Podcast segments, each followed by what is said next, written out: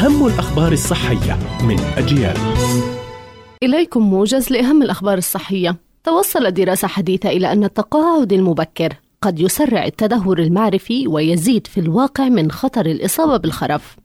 ويعتقد الباحثون أن أدمغة معظم الناس يتم تحفيزها بشكل أكبر أثناء العمل والتواصل الاجتماعي في المكتب أو بيئة العمل.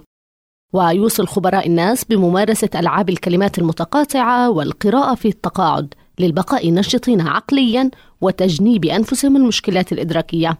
أثبتت الأبحاث أن الرمان يحتوي على الكثير من المواد التي لها خصائص كمضاد للأكسدة وفيتامين A و C ومجموعة B والبوتاسيوم والمنغنيز وحمض الفوليك.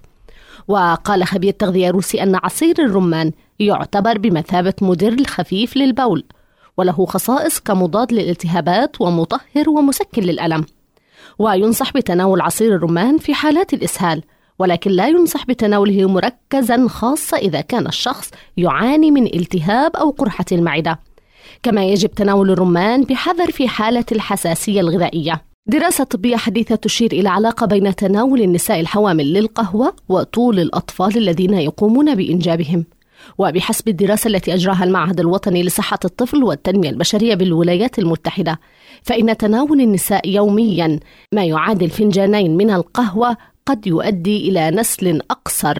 وأشارت الدراسة إلى أن فرق الطول بين الأطفال لأمهات تناولن القهوة وبين من لم يقمن بذلك يقدر بحوالي 2 سنتيمتر دون وجود أي ارتباط بين تناول الكافيين أثناء الحمل وزيادة وزن الأطفال. كانت هذه أهم الأخبار الصحية. قرأتها روزانا طه. إلى اللقاء.